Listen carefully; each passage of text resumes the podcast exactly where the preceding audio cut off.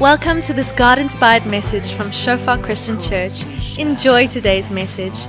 May you experience the presence of our Father and may you grow deeper in your relationship with Him.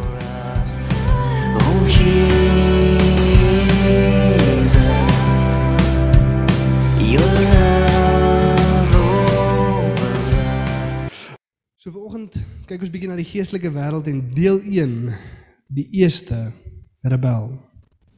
Die eerste rebel. So ek wil ook net van die begin af 'n uh, ding net vir ons sê, ehm um, dit is nogal taamlik moeilik en soos wat ek hierdie week gesit het en deur 'n paar goeders gewerk het, wonder mense ook, jy weet, waar begin jy? Hoeveel sê jy, hoe vinnig sê dit want die neiging wat ons het, selfs in die studies wat ons doen, weet jy, jy leer baie goeders en jy doen die doktrine van God en jy doen die koninkryk van God en jy gaan deur hierdie goeders maande en maande. En dan iewers is daar hierdie, okay, kom ons moet seker ook gou-gou want die Bybel noem dit praat oor demone en engele en die vyand en dan so twee weke dan lees ons gou-gou van dit en dan gaan ons maar net weer aan. En ons is baie geneig om dit ook te doen in die wêreld waar ons lewe.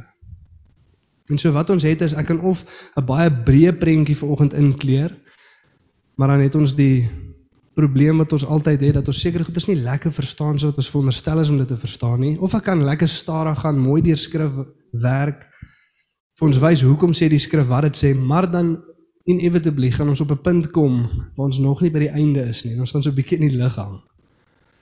So vanoggend wil ek net vir ons sê jammer vir dit. Ons gaan op die einde op 'n punt kom waar die storie nog nie so heeltemal lekker deurgetrek is nie, maar in die weke wat kom sal ons daardeur gaan en dit deurvolg, maar dit is belangrik vir ons om lekker stadig deur te beweeg, te kyk wat die skrif sê en ook ons huidige sieninge wat ons het. Ek weet nie wie van julle die die video op Facebook gesien het, maar daai vraag te vra.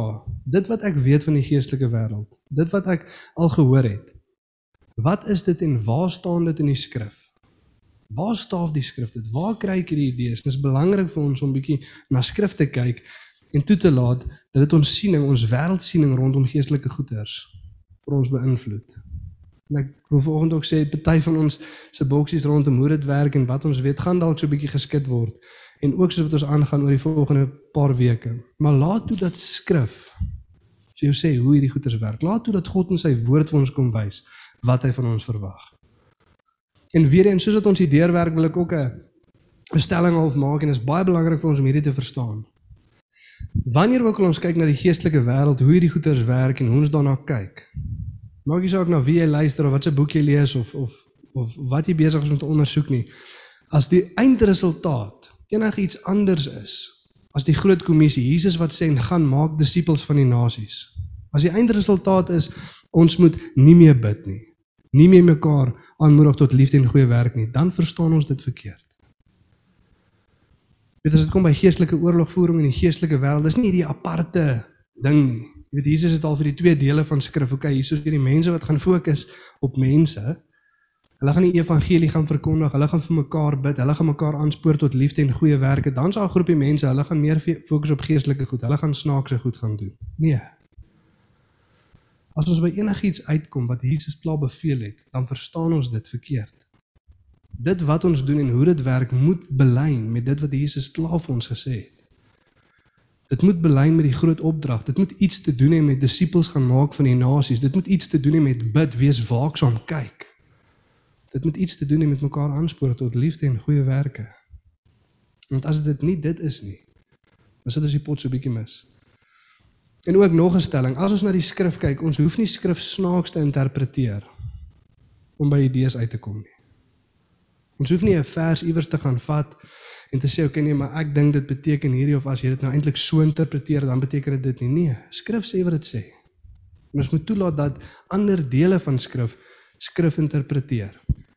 Die beste kommentary op skrif is skrif. Dit is die Bybel. Dit is waar ons ons siening moet vandaan kry wat God vir ons kom sê. En van die begin moet ek ook sê as veral as dit kom by ons Afrikaner volk, ons het 'n neiging dat ons geestelike goeders die bonatuurlike uitskrif uit wil interpreteer. Ons hou nie daarvan nie. Jy het laat vanoggend gesien soos wat Germa ook gesels, ons raak so bietjie stil. Dit is nie vir ons lekker nie. Ons ons verstaan dit nie so lekker nie. Ons kan dit nie sien nie. Ons wil nie sin maak daarvan nie. So dis lekkerder vir ons om dit uitskrif uit te interpreteer. As ek eerder iets anders hier kan sien of lees, dan sal ek dit eerder wil hê. Ons moet dit besef en ons moet dit erken. Dan is ook 'n ander siening. Ook wat baie Afrikaners vir jou sal sê. Ons los hulle uit. Hulle los ons uit. Is julle met my? Nou die geestelike wêreld is nie 'n wille groep honde iewers in iemand se yard waar jy nie moet ingaan nie. Skrif bely nie met dit nie. Dit is eenvoudig nie hoe dit werk nie. Dit is nie Jesus sê hoorie so daar's iewers 'n area waar daar demone en goeters is, moenie daartoe gaan nie.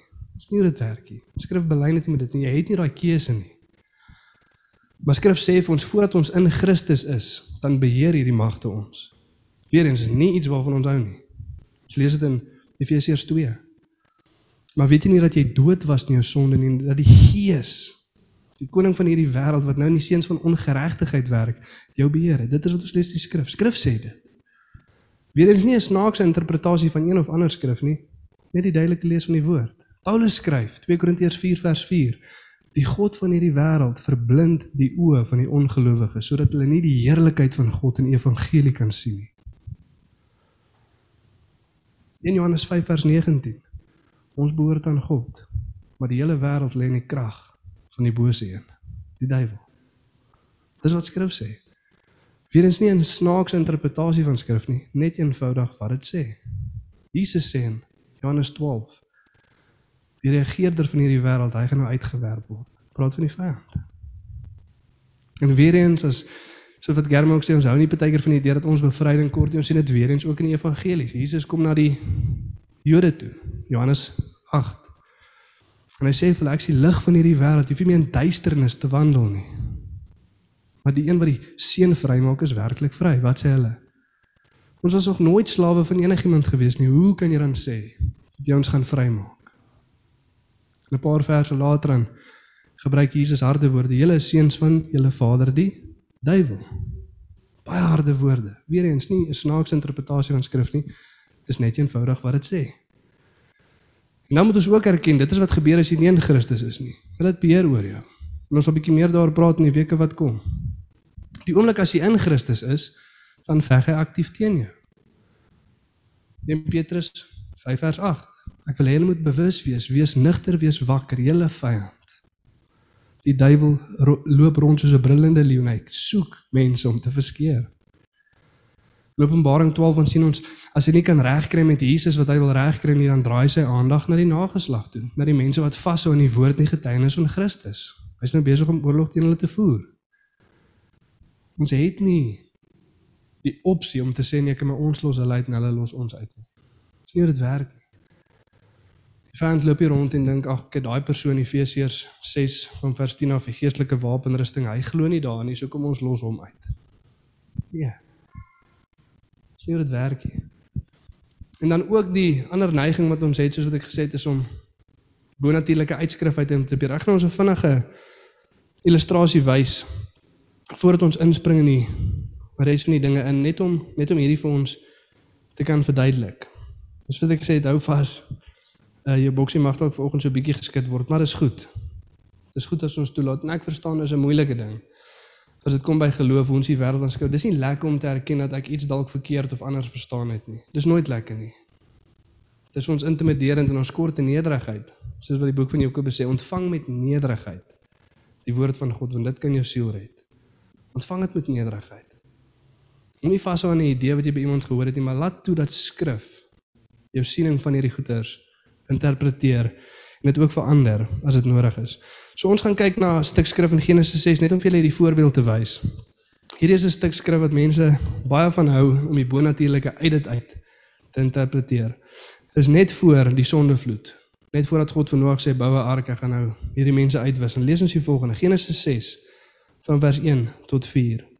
Toe die mense op die aarde begin vermeerder en daar hulle dogters gebore is, sien die seuns van God dat die dogters van die mens mooi was.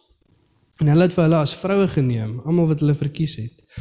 Toe sê die Here: "My gees sal nie vir ewig in die mens heers nie, omdat hy ook vlees is, maar sy dae sal wees 100 20, uh, 120 jaar." In die dae was die reëse op die aarde en ook daarna, toe die seuns van God by die dogters van die mens ingegaan en die vir hulle kinders gebaar het.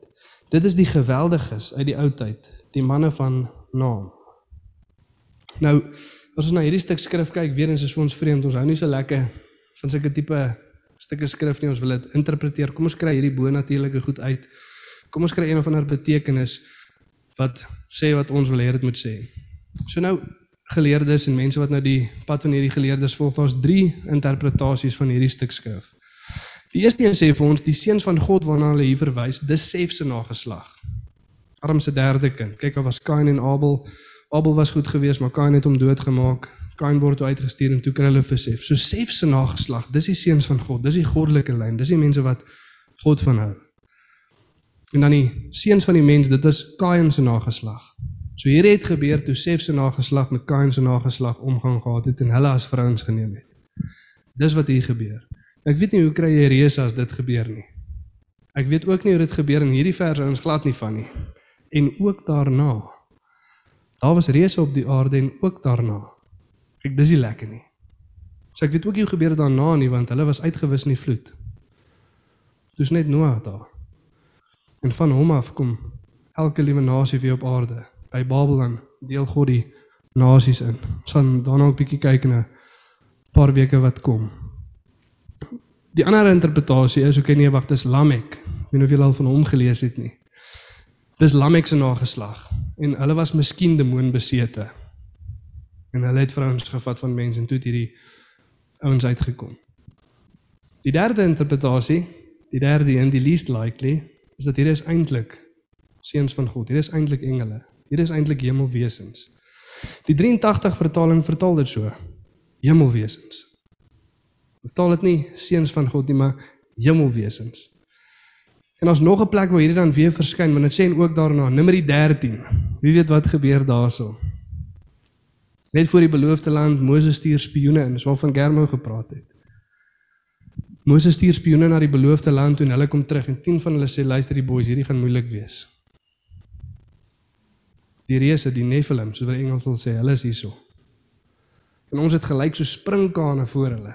Julle het dit al gelees. Dan sê die skrif neem aan hulle oordryf net. Hulle praat van Eben Etzebeth en Lode Jager. Dis hulle voorvaders wat daar was. Die slotte. En van daai nasie het al die slotte van rugby wêreld afgekom. Nee. Dit is net eenvoudig nie hoe dit werk nie. En wat ons geneig is om te doen, ons wil graag hê dat een stuk skrif die res van die skrif vir ons moet interpreteer. Skrif sê dit werk nie so nie. As daar 'n driehoek is, 3000 plus vers in die Bybel, moenie een vers vat en toelaat dat dit die res van die vers interpreteer nie. Draai daai driehoekie om. Laat die res van die skrif afdruk op hierdie een vers en in konteks van skrif dan sien ons wat beteken dit eintlik. So ons moet vir onsself vra, okay, waar verskyn die seuns van God nog? Is daar nog 'n verwysing na die seuns van God in die Hebreëse Bybel, die Ou Testament? Het dieselfde taal, het dieselfde woorde, het dieselfde benaming wat gebruik word. Is dit enige plek weer waar dit verskyn? Tweedens hierdie storie, hierdie konteks, hierdie gedeelte wat afspeel, is daar weer 'n plek in die Bybel wat verwys na hierdie gebeurtenis toe? Die antwoord is ja. Op al twee daai vrae. Die eerste keer wat ons weer lees of een van die kere wat ons weer lees van die seuns van God is in Job 1. En ons lees die volgende. Job 1 vers 6 en 7. En op 'n dag toe die seuns van God kom en hulle voor die Here stel, het die Satan ook onder hulle gekom. Toe vra die Here vir Satan: "Waar kom jy vandaan?" En die Satan antwoord die Here en sê: "Van 'n swerftog oor die aarde wat ek deur kruis het." Weerens hier soos die seuns van God en hulle is nie op die aarde nie. Hulle is in die hemele. Hulle staan voor God. En die Satan kom ook daar. So in lig van dit, is dit nie mense nie. Nou vra ons vir onsself, okay, maar waar kom die storie weer voor? Die boek van 2 Petrus 2 en die boek van Judas. Nie Judas Iskariot nie, die ander disipel van Jesus. Ons lees hierson 2 Petrus 2 vers 4 tot 5. Dan sê dit die volgende: Want as God die engele wat gesondig het, nie gespaar het nie, maar hulle in die hel gewerp het, Daai woordjie hel is die Griekse ag die Hebreëse woord ag Griekse woord Tartarus. Praat nie van die hel want ons almal eendag gaan wat nie glo nie in die duiwel en sy engele nie. Hier is 'n ander plek waar hulle gehou word. So hulle is in die hel gewerp en aan kettinge van duisternis oorgegee om vir die oordeel in bewaring gehou te word. En die ou wêreld nie gespaar het nie, maar Noag, die prediker van geregtigheid, met sewe ander bewaar het, toe hy die sondevloed oor die wêreld van goddelose mense gebring het. So hierso sien ons weer, dis engele. En hierdie engele het gesondag. Wat het hulle gedoen? Judas 1 vers 6 tot 7. Daar is net een hoofstuk in Judas. Maar kom ons sê maar Judas 1. 6 tot 7. En die engele wat hulle eie beginsel nie bewaar het nie, maar hulle eie woning verlaat het. Hy het vir die oordeel van die groot dag met ewige boeye onder die duisternis bewaar. En dink ook aan die mense van Sodom en Gomorra en die stede rondom hulle, net soos daardie engele, hierso kom wat het hulle gedoen? Net soos daardie engele het hulle onsedelike dade gepleeg en omgang gesoek met vreemde wesens. As waarskuwing vir almal word hulle nou gestraf met die vuur wat ewig brand. Weereens selfde woorde. Wat gebeur toe die engele aan Abraham verskyn by die bome van Mamre? Dan stuur hy die engele om na Lot toe te gaan en as die twee engele by Lot se deur kom, dan kom die mans van die stad en sê bring die mans uit, ons wil omgang met hulle hê. Dit is waarna hierdie stuk skrif verwys. Dis engele. Dit kan niks anders beteken nie. As ons toelaat dat skrif skrif interpreteer en na die res van die skrif kyk, dan is die betekenis daarvan baie duidelik. Sal julle met my saamstem? Ons kan nie by 'n ander konklusie uitkom nie. Skrif is baie duidelik en weer eens laat toe dat skrif skrif interpreteer. Maar kom ons pak hierdie nou net gou hierso. Dan skud ons die boksie so 'n bietjie verder. So as hierdie engele wat geval het in boeye gehou word tot die oordeelsdag Wat sê daarso? Hulle is in ewige boeye onder duisternis bewaar. En hulle sal toegesluit wees tot die dag van oordeel. As hulle toegesluit is, wie hardloop nou hier rond? Wanneer het hulle geval? Hoe werk dit? Interessant. Is dit nie? So hierdie spesifieke groep engele God sê okay wag, hierdie hierdie man het snaaks idees, kom ons bind vir hulle vas. En eers in die oordeelsdag sal hulle weer losgemaak word en dan sal hulle ook in die ewige vuur gewerp word. So wie is dan nou hierso? Wie is die duiwel en sy demone dan? Hoe werk dit? Wanneer het hulle geval? Jy sien partykeer het ons hierdie idee dat voor Genesis 3 was al sondeval gewees en die duiwel en 'n derde van die engele het geval. Hulle is nou van toe af die bad guys. En 'n derde van die engele, twee derdes van die engele, hulle was die goeie enes. En dis net eenvoudig hoe dit bly. Maar weer eens, skrif belei net eenvoudig nie met dit nie. Ons lees dit nêrens. Ons sal nou kom by Openbaring 12 wat verwys na uh, die duiwel en die derde van die engele wat geval het en en kyk na wat dit beteken of ten minste 'n paar vrae vra rondom dit en dan aanbeweeg. My sien die fout wat ons baie keer maak is ons dink die engele is in 'n baie soortgelyke posisie as ons of die hemelwesens. Engele is eintlik net 'n beskrywingsnaam, funksienaam, boodskapper. Demoon intelligente een, intelligence. Hoekom want hulle weet bietjie baie, hulle is al lank hierso. Baie langer as ons. Hulle het al nasies sien styg, nasies sien val, mense sien kom, mense sien gaan. Hulle is al bietjie baie langer as as ons hierso. Hulle verstaan 'n paar goeders. Skrif verwys ook na hulle as the knowing ones. Wat weet hulle meer as ons, ten minste.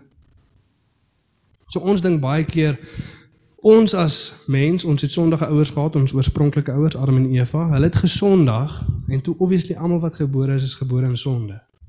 Almal kort verlossing. Almal het nodig vir Jesus om te kom die prys te betaal sodat ons met God versoen kan wees. Nie so die engele nie, nie so die hemelwesens nie. Dis nie wat met hulle gebeur het nie. Weet hulle het nie drie pare ouers gehad, twee van hulle was heilig en een was ongeregtig en toe toe word al die ongeregtiges gebore en toe die heiliges bly net heilig nie. Nie is nie hoe dit gewerk het nie. So dan moet ons osself vra kom ons skuif terug na die begin toe. Los hierdie idee vir eers net hierso.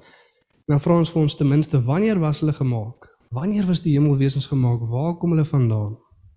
Ons lees hierso in Job 38 vers 6 tot 7 die volgende. En God wat vir Job vra, waarop rus die fondasie van die aarde? En wie het sy hoeksteen gelê? Toe het die môre sterre saamgesing en die hemelse wesens het van vreugde gejuig. So weet nie lank voor die wêreld hulle gemaak was nie, maar ons weet ten minste voor die wêreld. Genesis 1 sê in die begin het God die hemele en die aarde gemaak. En dat hy ten minste eerstens volgens Job eers die hemelwesens gemaak en toe die fondasie en die hoeksteen van die aarde gelê. Daai woordjie môre sterre daarso verwys ook nie na sterre wat in die hemel is nie. Môre sterre is ook nog 'n manier om te verwys na hemelwesens. Weerens praat net van range. Die môre sterre het saamgesing en so ook die wesens wat met vreugde gejuig het. En hierso moet ons iets besef. Hulle is nie soos God nie. Hulle is nie soos Jahweh, die God van Israel nie. Hulle is nie ewig nie. So ewig in die sin van hulle het nie altyd bestaan nie. Ons almal is ewig as ons vorentoe kyk. Weer daar's hierdie gesegde YOLO, you only live once. Maar die Christen moet dit verander in YOLF. You only live forever. Sal vir ewig lewe. Maar bestemming, bestemming mense, dis waar dit gaan. Waar gaan jy vir ewig lewe? Maar ons gaan vir ewig lewe, maar as ons terugkyk, verlede, dan was die enigste een wat vir ewig daar was, wat nog altyd daar was, die God wat is. Dis net Jahweh. Die engele was nie altyd daar nie, hulle was ook op 'n punt geskape. En God is verhewe bo alles wat hy geskaap het. Elke liewe ding, hemelwesens, aarde, alles op die aarde, as jy dit saam sit, is ons nog steeds nie verhewe bo God nie. Hy is die almagtige, maar nietemin, hulle was daar toe die hoeksteen gelê is. Dan moet ons self die, vra die vraag vra, okay, maar wanneer het die eerste rebellie dan plaasgevind? Wanneer het Satan dan geval? So ons lees die volgende in Genesis 1 vers 31 en Genesis 2 vers 1. Dit volg op mekaar. En dit sê toe sien God alles wat hy gemaak het en dit was baie goed. En dit was aand en dit was môre, die 6ste dag. So is dit dan voltooi die hemele en die aarde met hulle ganse leermag. Of soos die 83 sal sê die hemel en alles daarin en die aarde en alles daarop. En op hierdie punt is die sewende dag God heilig die sewende dag en dis 'n dag van rus. Maar op daai punt, alles is gemaak, die hemelwesens, ons op aarde en alles is goed. Op hierdie punt van die skepping is daar geen boosheid, geen rebellie, geen sonde, geen dood, niks wat sleg is is in die wêreld nie. Alles is nog goed. So dan moet ons onsself die vraag vra: Wat het dan nou gebeur? Want iewers tussen hier in Genesis 3 kry die duiwel 'n idee en hy begin dit uitvoer en die vraag wat ons vir onsself moet vra is tweevoudig. Eerste een is hoekom is hy daar? Hoekom is die duiwel daar? Nagash, dis wat die Hebreëse woord sê, die die slang. In die Nuwe Testament verduidelik dit vir ons dat hierdie was die duiwel. The age old serpent, the dragon. Die bose een wat in die tuin was. Ons lees dit ook in 2 Korintiërs waar Paulus skryf vir die kerk in hoofstuk 11 vers 4. Ons sê soos wat die duiwel Adam en Eva verlei het, is ek bang hy verlei julle ook van die eenvoud wat in Christus is, die toewyding wat in Christus is. So dis hy. Iewers kry hy deen begin dit uitvoer. So die vraag wat ons self wil vra is hoekom is hy daarso? En het hy al reeds geval of is hy besig om te val? Nou weer eens dit klink vir ons na 'n simpel vraag want hoe ons dit het volgens tradisie het hy klaar geval en dis ook hoekom hy daar is. Maar weer eens belyn skrif net eenvoudig nie meer daai idee nie. Dis nie wat ons lees nie. So ons almal ken die storie, die slang is daarso. Een van Armen is in die tuin en hy verskyn aan hulle en sê het God regtig gesê? Daai boom waar is, het God regtig gesê as julle van hom eet gaan julle sterf? En sy sê toe nee, ons kan van al die bome eet, net nie van die boom in die middel van die tuin nie. En die vyand sê te hulle nee nee nee, God weet dat as julle eet sal julle soos hy word. Julle sal die kennis van goed en kwaad kry. Eva eet, Adam kom, hy eet. Toe kom God na roep vir Adam. Hy sê, "Hey, wat het jy gedoen?" Adam sê, "Nee, dit was nie ek, dit was die vrou." Vrou sê, "Nee, was nie ek, dit was die slang." En toe vir die eerste keer in skrif sien ons dat God die slang vervloek. Dis die eerste keer wat die duiwel vervloek word. Dis wat God vir hom sê. Op jou grond sal jy seil en die stof van die aarde sal jy eet. Dis die eerste keer waar vyandskap tussen God en die duiwel ingestel word. Dit het nog nie gebeur nie. Dis daar waar dit sê, daar sal vyandskap wees tussen jou en die nageslag van die vrou. Praat van Jesus, hy sal jou kop verbrysel en jy sal sy hakskeen byt. Jy sien die storie vertel nie vir ons dat God kom na aan en sê, "Ah, wie jy?" Jy het daarbo gerebelleer en nou doen jy dieselfde weer nie. Nee. Hy sê nie jy wat klaar my vyand is, nou gaan ek weer jou vyand word nie. Nee. Dis die eerste keer wat die vyand vervloek word. Dis die eerste keer wat God vir hom sê, grond sal jy eet. Dis die eerste keer wat God vyandskap instel. Dis hom en die duiwel. Maar dan moet ons vir onsself die vraag vra, maar wat maak hy daar? Wat maak hy dan daar? Hoekom is hy daar? Jy sien baie keer as ons dink aan die tuin van Eden dan dink ons aan 'n normale tuin. Ja, dit was 'n tuin geweest, maar nie 'n normale tuin soos my of jou tuin nie. Was die tuin van God. Skrifgeleerdes noem dit 'n prototipe, 'n archetype van 'n tempel, daar waar God met mense ontmoet. En weer eens nie vir ons 'n snaakse idee nie. Ons en meeste ander gelowe in die wêreld sien dit ook so. En ons later by ander gelowe ook uitkom. Dat 'n tempel is waar God met mense ontmoet. Die res van die Ou Testament verduidelik dit vir ons. God ontmoet die mense in die tempel. Dis waar sy teenwoordigheid is. En in die Nuwe Testament is ons die tempel. Ons is waar God met mense ontmoet. Interessant, né, nee, as jy dit in daai lig sien. Maar dis die tempel van God. Dis waar God met mense ontmoet. Dis waar God in die koel van die dag saam Adam en Eva loop.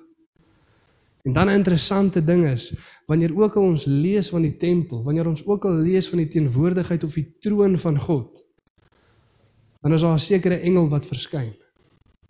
Cherub. Cherub, soos wat die Engels dit sou noem, cherubim, meervoud, cherub enkelvoud. Cherub enkelvoud, cherubs meervoud. Hulle verskyn elke liewe keer wanneer dit praat van die troon van God of die tempel van God of die plek waar God met mense ontmoet. Kyk ons lees die volgende in. Ek sal ons drie voorbeelde gee. Jesaja 37 want die skrif is vol van dit, jy. Jy kan 'n bietjie daarna gaan kyk. Jesaja 37 vers 16. Here almagtige God van Israel, U wat oor die Cherubs troon. Psalm 99 vers 1. Die Here regeer, die volke erken bewend sy gesag. U troon oor die Cherubs, die aarde sidder van ontsag. Eksodus 25. En kyk nou verwys dit terug na die tuin toe. God sê vir Moses, ek sal daar, ek sal jou daar ontmoet. Ek sal jou daar ontmoet. Waar het God Adam en Eva ontmoet? In die tuin. Ek sal jou daar ontmoet. Ek sal van tussen die gieribs bo op die ark met jou praat. En weer en weer in skrif sien ons dit. As Jesegiel in Jesegiel 1 die troon van God sien en die teenwoordigheid van God wat kom, dan sien hy hierdie vier wesens. Hierdie vier gieribs. Met hierdie vier gesigte, hy, hy eindaardige visioen wat hy sien. Het vier gesigte, die gesig van 'n mens wat na God toe kyk want ons het daai voorreg om die glorie van God en die teenwoordigheid van God as mens te aanskou. Dis waarvoor ons gemaak was vir God se teenwoordigheid. Aan die kop van 'n os, 'n arend en 'n leeu. 'n Os die koning van die werkende klas diere. Arend koning van die lug, leeu koning van die wilde diere. En maak nie saak van watter kant af jy kyk nie, is hierdie vier gesigte wat jy sien. En in die middel van hulle die troon van God. En weer eens as ons kyk na Openbaring 4, met die visioen wat Johannes het van die hemel en mense wat lofprys rondom die troon van God, dan verskyn hierdie vier wesens weer. Die cherubs. Met die teenwoordigheid van God. En selfs die nasies wat uit Babel uit ge, geskater was wat God hulle ander nasies gemaak het, ander taal gegee het, 'n ander grondgebied gegee het. Selfs in hulle manier van dink en bou hulle hierdie hierdie standbeelde, hierdie cherubs, hierdie gediertes met vlerke en hierdie gesigte wat wag op by die tempels. Hierdie beskermers van die troon, hierdie beskermers van die teenwoordigheid van God. In die Bybel leer dit vir ons. En die Here wil die Israeliete bietjie help en hy sê vir hulle in die tempel, ek wil sommer hê julle moet twee van hulle bou. Twee aan hierdie kant van die ark en twee aan hierdie kant van die ark daar waar ek julle ontmoet, daar waar my teenwoordigheid is, sodat julle kan sien wat in die geestelike wêreld aangaan. Nou daar is net een van hierdie cherubs se naam wat die Bybel vir ons gee. Daar's net een wat geïdentifiseer word, een wat ons ken. Wil julle raai wie is hy? Jy sien ons lees in Jesegiel 28 en Jesaja 14 van die val van die vyand in Eden en dan kleer dit die prentjie vir ons bietjie meer in. En elkeen van daai stukke skrif, jy kan self daarin gaan lees. Dan spreek dit 'n aardse koning aan en dan die koning wat agter daai koning staan en weer eens nie 'n vreemde konsep nie, ons sien dit in skrif. Die wêreld, die nasies lê in die mag van die bose een. Hy is die heerser van hierdie wêreld. Hy is die koning van hierdie wêreld, soos wat Paulus sal sê. Hy is die God van hierdie wêreld. Die nasies lê in sy mag en ons wil in 'n ander week 'n bietjie meer daarna kyk en oor hoe dit gebeur het. Maar hulle lê in sy mag. So eerste keer dan spreek God en jy kan duidelik dit sien soos wat jy deur die skrif lees. Dan spreek hy die aardse koning aan want maak nie saak wat agter jou staan of wat jou beïnvloed nie, jy's nog steeds verantwoordelik. Dit weet ons. En dan draai die skrif en dan sê hy spreek weer die koning aan, maar dan draai hy bietjie na die een wat agter die koning te staan. Ek lees vir ons hierso uit Jesegiel 28 vers 12 tot 17 en weer eens ons hoef nie veel met die skrif te doen nie. Ons kan net eenvoudig dit lees soos wat dit vir ons sê. Ons hoef dit nie snaaks te interpreteer nie. Dit is net eenvoudig wat skrif sê. Lees hierso. Mensekind die Here praat met Jesegiel hef 'n klaaglied aan die koning van Tyrus. Dis die tweede keer wat dit in hierdie hoofstuk gebeur so spreek die Here Here jy was die seelring van eweredigheid vol wysheid en volmaak en skoonheid jy was in Eden die tuin van God. Weerens net eenvoudig, dis wat die skrif sê. Daar was net 3 mense waarvan ons weet wat daar was. Adam, Eva en die slang. Jy was in Eden, die tuin van God. Allerhande edelgesteentes was jou bedekking. Karnieul, topaas, jaspis, krisoliet, onyx, sardonyx, safier, karbonkel en smarag. En van goud was die werk van jou kassies en die groewe aan jou op die dag toe jy geskape is, is hulle berei. Jy was 'n gerb met uitgespreide vlerke wat beskit. En ek het jou gestel op 'n heilige berg, die tuin van Eden. 'n God was jy. Jy het gewandel tussen die vuurige gesteentes. Jy was volmaak in jou weë van die dag af dat jy geskaap is totdat daar ongeregtigheid in jou gevind is. Hoogmoedigheid het jou hart geword oor jou skoonheid. Jy het jou wysheid verderwe weens jou glans. Ek het jou op die grond gewerp. Weerens ek hoef nou nie hier vir julle te verduidelik hoekom dit sê wat dit sê nie. Julle kan dit self sien. Ek hoef nie iets snaaks met die skrif te doen of dit in 'n vreemde manier te interpreteer sodat dit net eenvoudig vir ons sê wat dit sê nie. sien nou dit sê volkome in jou weë van die dag af wat jy geskape is. Nou ons weet dit verwys nie na mens toe nie, want mens is nie volkome in sy weë van die dag wat God hom geskaap het nie. Mens is gebore in sonde en ongeregtigheid het my ma my in hierdie wêreld ingebring, soos wat Dawid sal sê in Psalm 51. Ons het van die begin af 'n sonde natuur. Ons is van die begin af bestem vir die straf van van God, soos wat Efesiërs 2 vir ons sal sê. En ons het nodig dat Jesus ons kom red. Nie so die hemelwesens nie. Jy was volkome in jou weë van die dag af dat jy geskaap is totdat daar ongeregtigheid in jou gevind is. En net ook om te verduidelik as die Here daar vir hom sê 'n God was jy. Dan bedoel dit nie God soos wat God God is nie. Julle sal baie keer lees van God in die Bybel. Een is hoofletter Elohim, is wat die Hebreëse woord sê. Die ander een is klein lettertjie Elohim en meestal is dit meervoud. Gode. Ons sal 'n bietjie meer daarby kom soos wat ons deur hierdie reeks beweeg. Nou die Israeliet of die ou wat in daai tyd lewe, die oomblik as hy die woordjie God hoor, Elohim, dan dink hy nie aan God soos wat ons aan God dink nie. Ons dink aan wat hy dink as die skrif verwys na Yahweh. Attributes. Daar sekere goeders van wat God se natuur is wat ons heg aan die woordjie God. Ewig, alomwetend, alomteenwoordig, almagtig. Dis nie wat hierdie stuk skrif na verwys toe nie. Dis die woordjie Elohim. Dit beteken eenvoudig 'n 'n 'n lid van die geestelike wêreld as Saul na die nekromanser toe gaan om vir Samuel uit die dood uit te gaan opwek. Ek weet nie wie van julle al daai storie gelees het. Dis interessant. Maar sy wil bietjie met die ander wêreld gesels. En dan toe dit eintlik gebeur, toe skrik hulle albei en hardloop weg. Maar toe kom Saul, ag Samuel daaraan. En wat sy vir hom sê is en hy vra vir haar, "Wat sien jy?" Sy sê, "Ek sien 'n Elohim uit die grond uit opkom. Ek sien 'n gees uit die grond uit opkom." So die woordjie God verwys nie na God soos wat ons dink aan God toe nie. Jy sien dat jy was deel van die geestelike wêreld. Jy het gewandel tussen die vuurige gesteentes. Dis wat dit daar verduidelik. Dieselfde teks kan jy gaan lees in Jesaja 14. Jy kan self daardeur gaan lees. Gaan nie vir jou sê Jesaja 14 wat nie. Want ek kan nie beïnvloed nie. Jy sal self baie maklik daarbey uitkom. Maar dan sê dit daarso ook. Hoe het jy uit die hemel geval o môre ster? Hoe het jy op die grond neergedaal, jy wat die nasies laag gelê het? En dan sê dit ook daar in vers 14 vir ons hoekom. Jy wat jouself wou verhoog tot die plek van die Allerhoogste. Hoogmoed, selfs wat dit sê hier in Jesegiel 28, hoogmoed het jou hart geword. En dan lees ons in skrif hoogmoed kom voor die val. Nie noodwendig wat dit terugverwys na wat met die vyand gebeur het nie, maar dit waarsku ons hoogmoed kom voor die val. God sê hy haat 'n hoogmoedige mens. Hy weerstaan, hy's aktief teen die hoogmoedige mens, maar hy gee genade aan die nederiges. Nou dis hier waar ons gewoonlik dink okay, hierdie verwys ook nou na weet op die grond was jy gewerp en jy het uit die hemel uitgeval het en ons het baie keer hierdie idee en ons kry dit van Openbaring 12 af waar die duiwel in 'n derde van sy engele geval het voor Genesis 3. Dis meeste mense se wêreldsbeskouing as dit kom by die geestelike wêreld. Maar nou moet ons self net 'n paar logiese vrae vra. Ek gaan nou nie te lank aangaan nie. Dis hierso waar ek julle amper in die lig gaan los. Maar as jy met meer vrae uitstap as antwoord, is dit ook goed. Om vrae te vra oor die teks is baie belangrik. Baie baie belangrik. Ek weet nie wie van julle ken die storie van die olifant se kind nie, hoe hy sy lang slurp gekry het. Dis nie in die Bybel nie.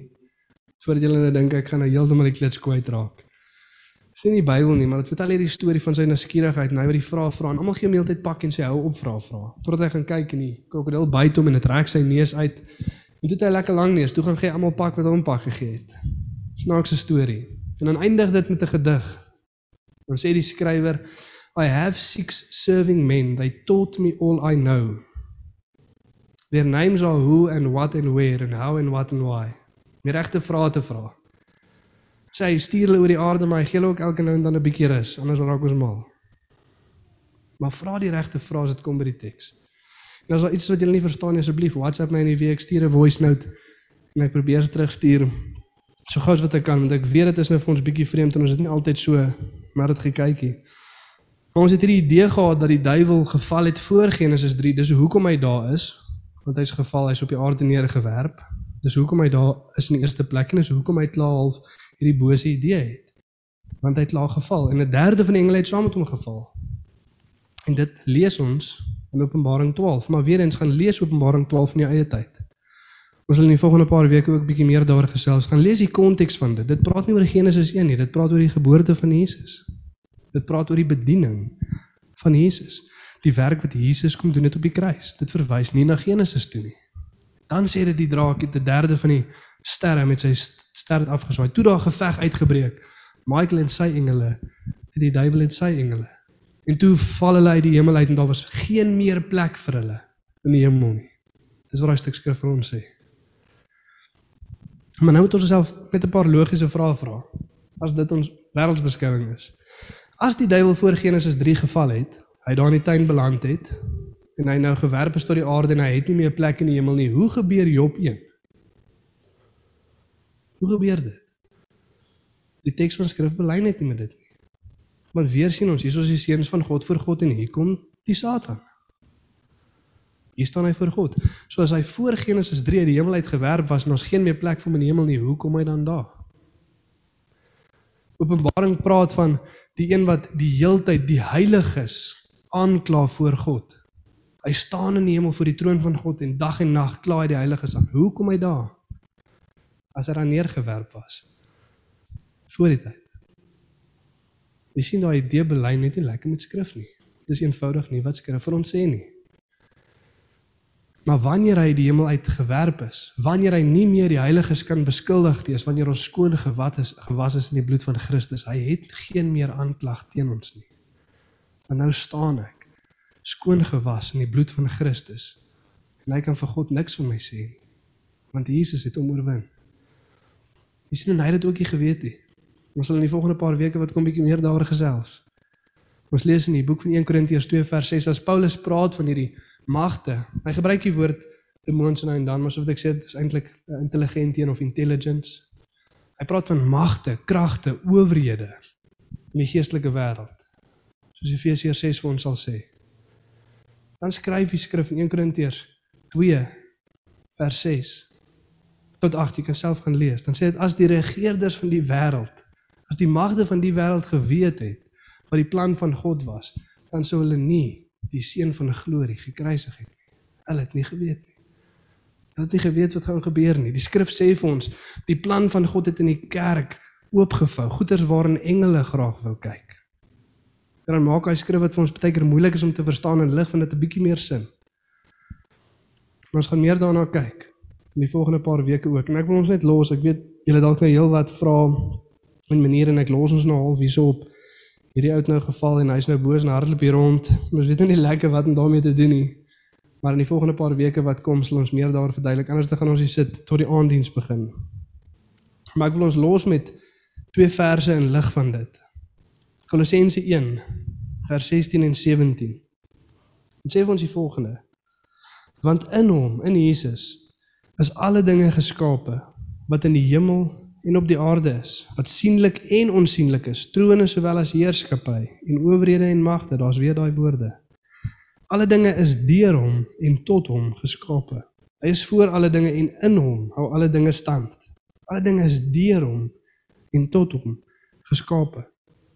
Hoekom is die vand geskape? Wat maak hierdie ou hier? Wat is die doel van die gevalle engele? Almal en alles was deur hom en tot hom geskape. En ons sal dit eendag volkome verstaan as ons voor God staan en ons sal in die volgende paar weke bietjie meer daarna kyk. Maar hulle is ook deel van God se plan. Ek sê nie God beplan hierdie boosheid en hy is die oorsprong van boosheid nie. Nee, dit het by hulle gebegin. Hulle was die oorsprong daarvan. Hy was 'n moordenaar van die begin af, was 'n leenaar van die begin af soos wat Jesus sê in Johannes 8.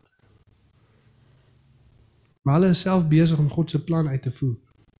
Weet baie keer dan sê die mense in vandag se tyd, "Jesus, hulle wonder of die duiwel net bietjie 'n oorhand kry daar buite nie, want dit lyk 'n bietjie rof." Dit is met my. Maar dan vra ons self die vraag, maar wie is die een wat gesê dit gaan so lyk? God. Hy het gesê dit sal so lyk. Hy het gesê wetteloosheid sal toeneem want die liefde van baie gaan koud word. En hy is iemand vir sy kerk sê, bemoedig mekaar tot liefde en goeie werke in lig van dit.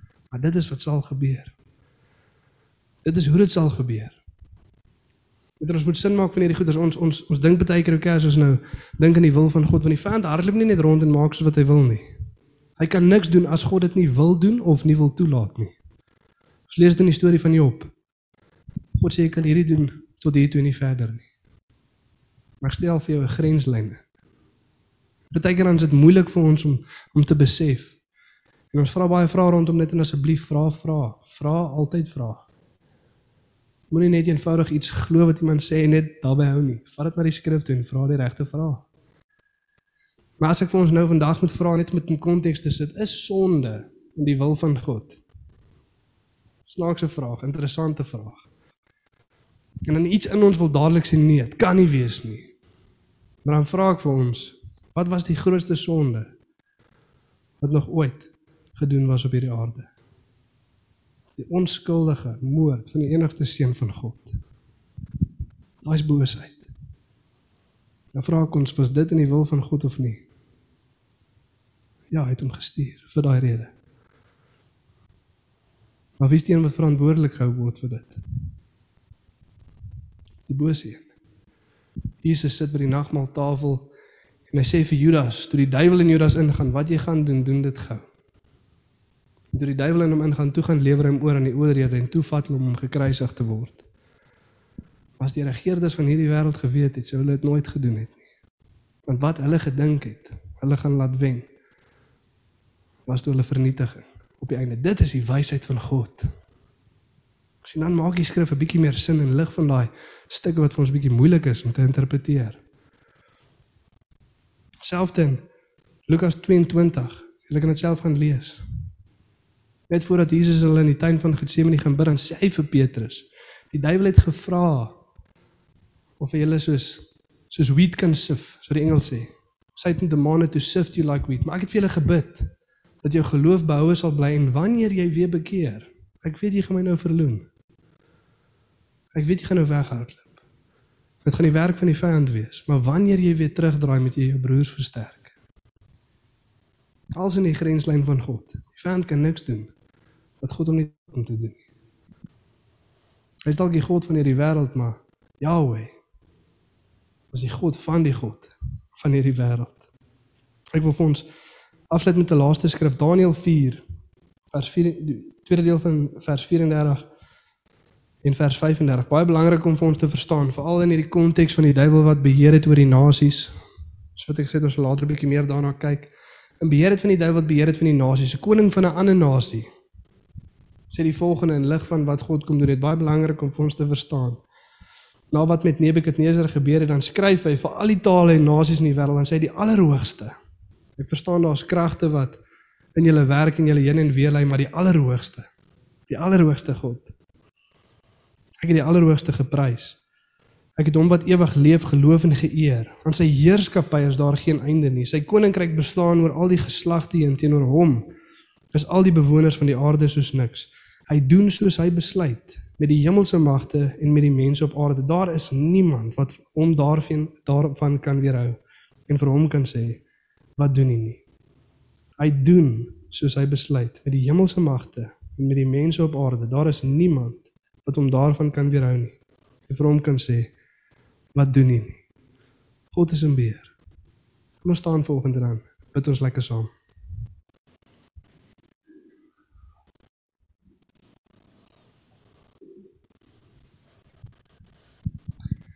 Ja Here, dankie vir u goedheid Vader en ja kom bid Here dat soos wat ons hierdie goeders bestudeer daarna kyk Here en sin maak Here van wat in skrif aangaan Here. Dit is so wonderlik om te sien Here hoe alles net wys na Jesus toe Here en wat hy kom doen het Here. In lig van hierdie een Here wat beheer het oor die nasies en sê maar het vir ons autoriteit gegee. Gaan maak disippels van die nasies. Gaan roep hulle uit duisternis uit in lig. En dan weet ons ook Here is baie keer vir ons moeilik om te verstaan, te glo en sin te maak daarvan Here, maar ons was eens duisternis en het ons geroep in u wonderbare lig. En in lig daarvan Here mag ons aangespoor wees Here om u meer gretig te volg Here. Om te weet Here dat daar waar my lewe uit lynheid is met u woord Here, daar waar ek u nie heelhartig volg nie,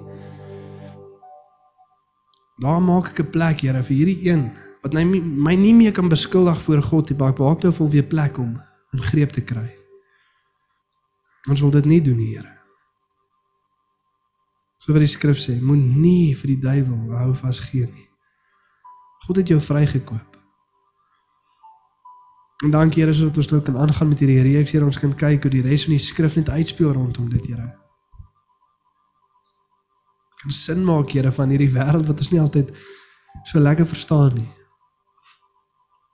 Maar dankie Here dat ons kan weet dat alles deur U en vir U geskape is, Here.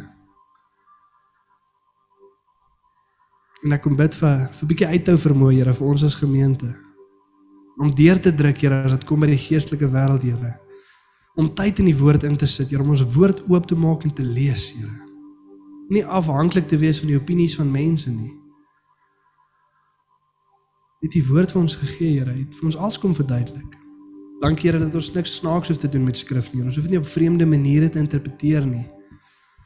Jy het dit nie vir mense geskryf wat hierdie kenners was van skrif en al hierdie vreemde uitleggingsmetodes gehad het nie. Nee, maar vir eenvoudige mense, Here. Deur eenvoudige mense.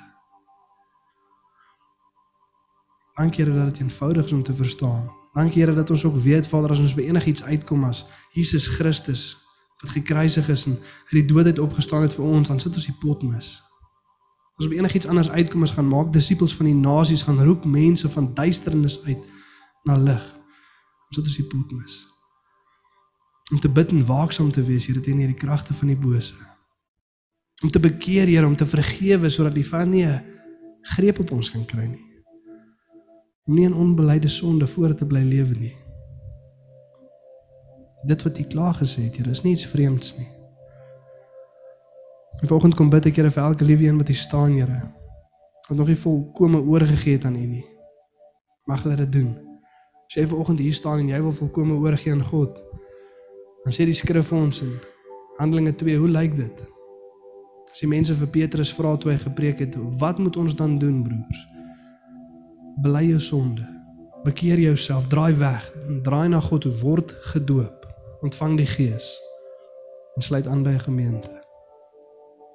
Dis hoe jy reageer toe hierdie evangelie. Jy bid nie 'n gebed en nooi Jesus in jou hart nie. Dis nie wat die woord sê nie. Bely jou sonde, bekeer jouself. Draai na God en word gedoop. Sluit aan. En dankie Here vir wonderlike gemeentes in hierdie dorp, Here. Dankie vir elke liewe broer en suster wat wat ook al gebou, Here, maak nie saak nie. Wat ons osself noem, maak nie saak nie maar dat ons weet dat ons deel is van die koninkryk van God, Here, en dat ons saam die koninkryk bou. omdat die hekke van die hel nie dit kan weerstaan nie, Here. Maar die vyand het nie meer krag nie, Here, maar U het hulle geontwapen op die kruis. En dankie Here in lig van dit Vader mag ons besef Here die verantwoordelikheid wat ons dra as kerk om die waarheid te gaan verkondig. Die waarheid sal vrymaak. En vir mense wat in duisternis wandel te verkondig die lig van die wêreld Jesus Christus het gekom. En solank wat ons U volg, sal ons nie in duisternis wandel nie. Dankie Here vir U goedheid en dankie vir U woord. In Jesus naam. Amen.